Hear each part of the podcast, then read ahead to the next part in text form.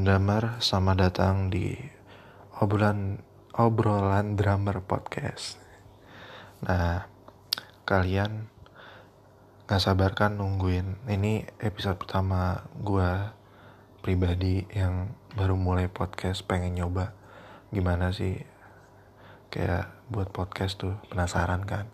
Nah gue pengen banget bisa reaching out to kalian yang senang sama drum dan malam ini bakal gue bahas sesuatu yang menarik yang mungkin yang banyak drummer-drummer sekarang tuh mencoba untuk bisa memainkannya.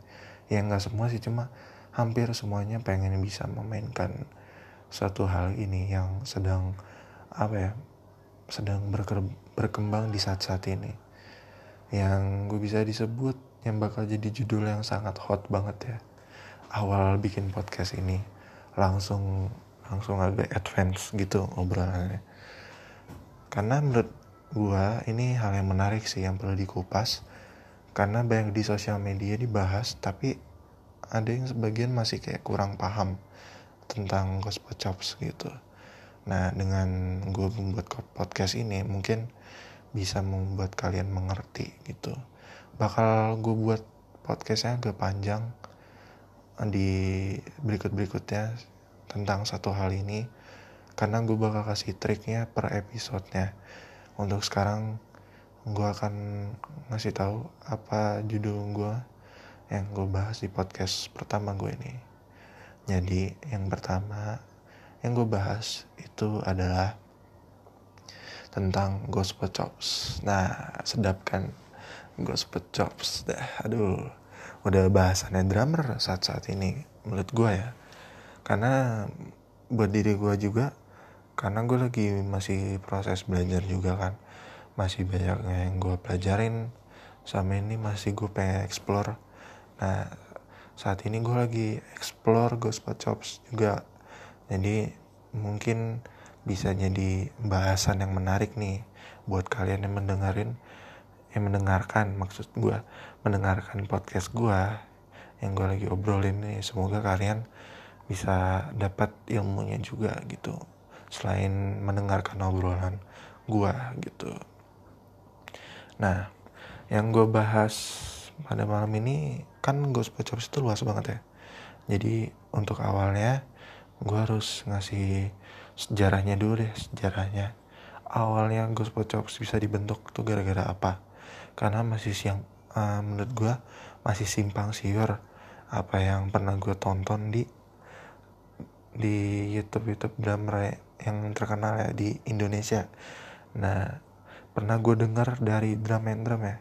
Gue di sini bukannya nyinggung ya tapi pernah mendengarkan video nontonin videonya drum and drum yang didatengin special guestnya Samuel Rusli terus temannya Yo Iqbal sendiri si Yandi tuh mereka masih menurut gue ya masih simpang siur.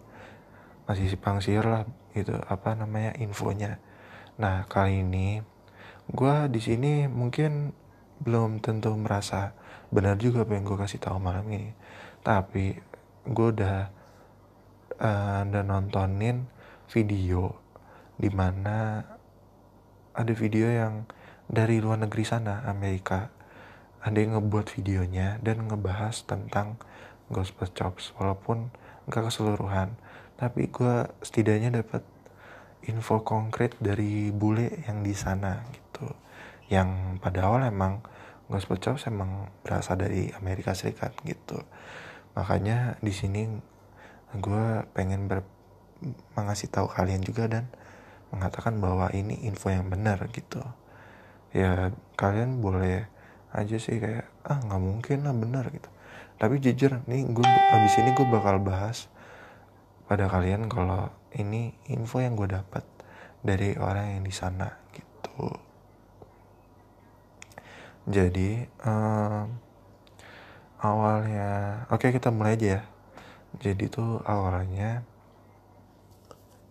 awalnya gospel chops itu uh, terjadi di mana seorang pencetus website bernama Gospel Chops yaitu yang didirikan oleh Gerald Flores orang hitam di sana.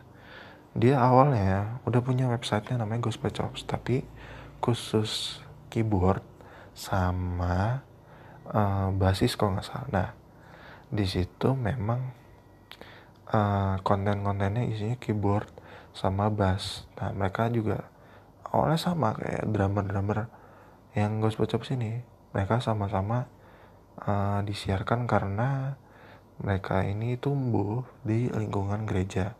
Nah, di sini yang dimaksud lingkungan gereja bukan gereja biasa, tapi di komunitas orang-orang hitam. Nah, ini yang membuat beda banget gitu. Nah, gue lanjut lagi ya. Jadi si Gerard For Gerard Forest ini uh, ngebuat websitenya ditambahin video salah satu drummer yang terkenal banget sekarang. Mungkin uh, salah satu master lah dalam gospel chops.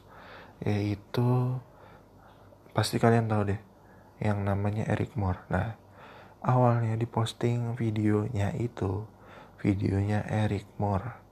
Eric Moore jadi awalan uh, di website itu. Jadi apa ya kayak pembuka lah. Sebelum jadi menjadi sebuah ketenaran tentang gospel chops ini di dunia drumming ini lah. Nah Eric Moore ini videonya dipasang di situ. Dia memainkan mainkan sebuah fill in kalau nggak salah atau chops gitu. Itu dia bikin triplet. Nah di situ yang bikin orang kayak wah ini orang main apa? Gitu. Nah yang gue dapat sumber ini dari video uh, di channel YouTube-nya yang bernama Soundfield. Kalian bisa cari di YouTube namanya Soundfield. Nah kalian cari uh, video yang berjudulkan Why Gospel Musicians Are Good gitu. Cari aja di situ. Intinya sih di situ uh, inti judulnya. Tapi gue lupa judul aslinya apa. Tapi kalian tinggal search di YouTube. Nama YouTube channelnya Soundfield. Cari aja. Nanti kalau ada tulisan uh, gospel musician dah langsung pencet videonya. Itu nanti di akhir-akhir video lah. Di situ mendekati akhir video di situ akan ngebahas tentang gospel chopsnya itu. Nah di situ pokoknya sejarahnya. Kalian bisa nonton. Buat kalian yang ngerti Inggris kebantu banget. Pokoknya kalian harus nonton videonya Soundfield. Kalian nonton. Mereka ngebahas banyak hal dah tentang musik. Kalian boleh uh, lihat-lihat di situ. Nah kita lanjut lagi ya nah setelah apa yang gue bahas dari sejarahnya mereka terbentuknya gospel chops ini sebenarnya Gerald Forest ini nggak tahu apa-apa. Dia cuma nonton kalau ini nih ada di saat dimainkan di gereja. Nah dia tahunya itu doang. Dan mereka tahu kan kalau itu dimainkan pada saat main gospel music. Sebenarnya bisa dimainin di musik lainnya nah terus uh, Gerald Forest ini punya ide bahwa wah ini namanya pasti gospel chops. Udah cepet.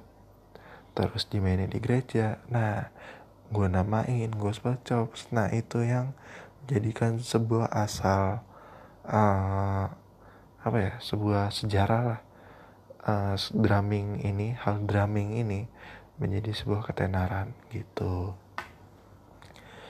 dan apa yang gue tadi tah ceritakan tentang sejarah awalnya sebenarnya uh, Chris Coleman di vid cuplikan ya video di YouTube Chris Coleman pada saat lagi klinik dia mengatakan bahwa uh, dia bilang begini uh, sebenarnya gospel chops tuh nggak ada gitu.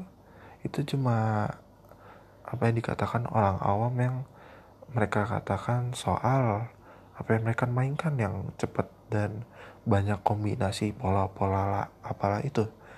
Nah di, yang itu yang gue tangkap. Terus dia bilang lagi uh, kayak gini uh, sebenarnya emang hal-hal yang umum aja kayak di drumming kayak fill in gitu-gitu ada rudimennya.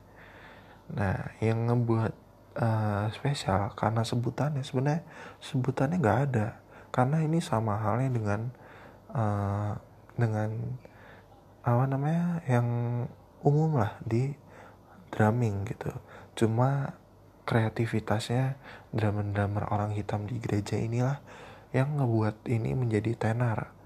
Karena dinamikanya juga dan variasi kombinasinya yang begitu banyak ngebuat semua drummer hampir semua drummer tertarik mempelajari hal ini gitu. Tapi Chris Coleman mengatakan juga kalau temannya pernah pernah beranggapan kayak gue nggak suka dibilang kayak gitu gitu. Sebenarnya mereka kayak nggak suka dengan sebutan apa yang mereka mainkan tuh gospel chops. Karena menurut mereka itu halnya sama dengan main fill in aja gitu. Memainkan chops chops yang lain gitu. Makanya ada sebagian yang senang karena merasa keanggap kan tahu sendiri kan yang namanya orang hitam pasti dianggap rendah lah gitu. Nah ada yang beranggapan bahwa kalau mereka menjadi lebih terangkat gitu. Itu yang dikatakan Chris Coleman. Kalian kalian bisa cek Chris Coleman di video cuplikannya itu dia ngomong di situ dia ngomong buat kalian dia sih ngomong Inggris jadi nggak ada subtitlenya buat kalian yang ngerti Inggris itu sangat kebantu banget. Karena memang buat mempelajari gospel chops itu karena yang diajarin juga orang-orang bule kan gitu. Jadi kalian sebisa mungkin menguasai bahasa Inggris nanti bakal lebih ngerti lah apa yang kalian pelajari gitu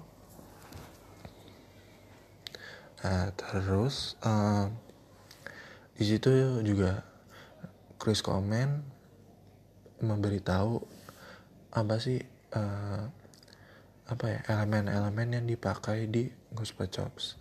Nah untuk sekarang gue cuma bisa ngomong sampai ini aja. Nah tapi buat kalian yang baru pengen mulai kalian bisa cek drama-drama yang gue bakal kasih rekomend rekomendasi kalian buat nonton habis ini. Nah rekomendasinya adalah drama-drama yang gue sebutin adalah Aaron Spear, terus Eric Moore pasti terus um, Jamal Moore terus um, siapa lagi ya Devon Taylor yang baru-baru ini terus uh, Gerald Hayward Teddy Campbell Goddard Campbell terus uh, siapa lagi ya? Uh, bentar gue mikir dulu. Banyak drummer keren emang sih dari lingkungan gereja ini. Memang mereka kayak uh, musikalitasnya tinggi banget. Dan apa lagi ya? Dan masih baik lagi. Pokoknya kalian cek dulu. Pokoknya kalian cek dulu apa yang gue kasih rekomendasi. Oke sekian dari gue thank you udah yang dengerin. See you next time. Gue bakal kasih tahu elemennya stay tune. Bye bye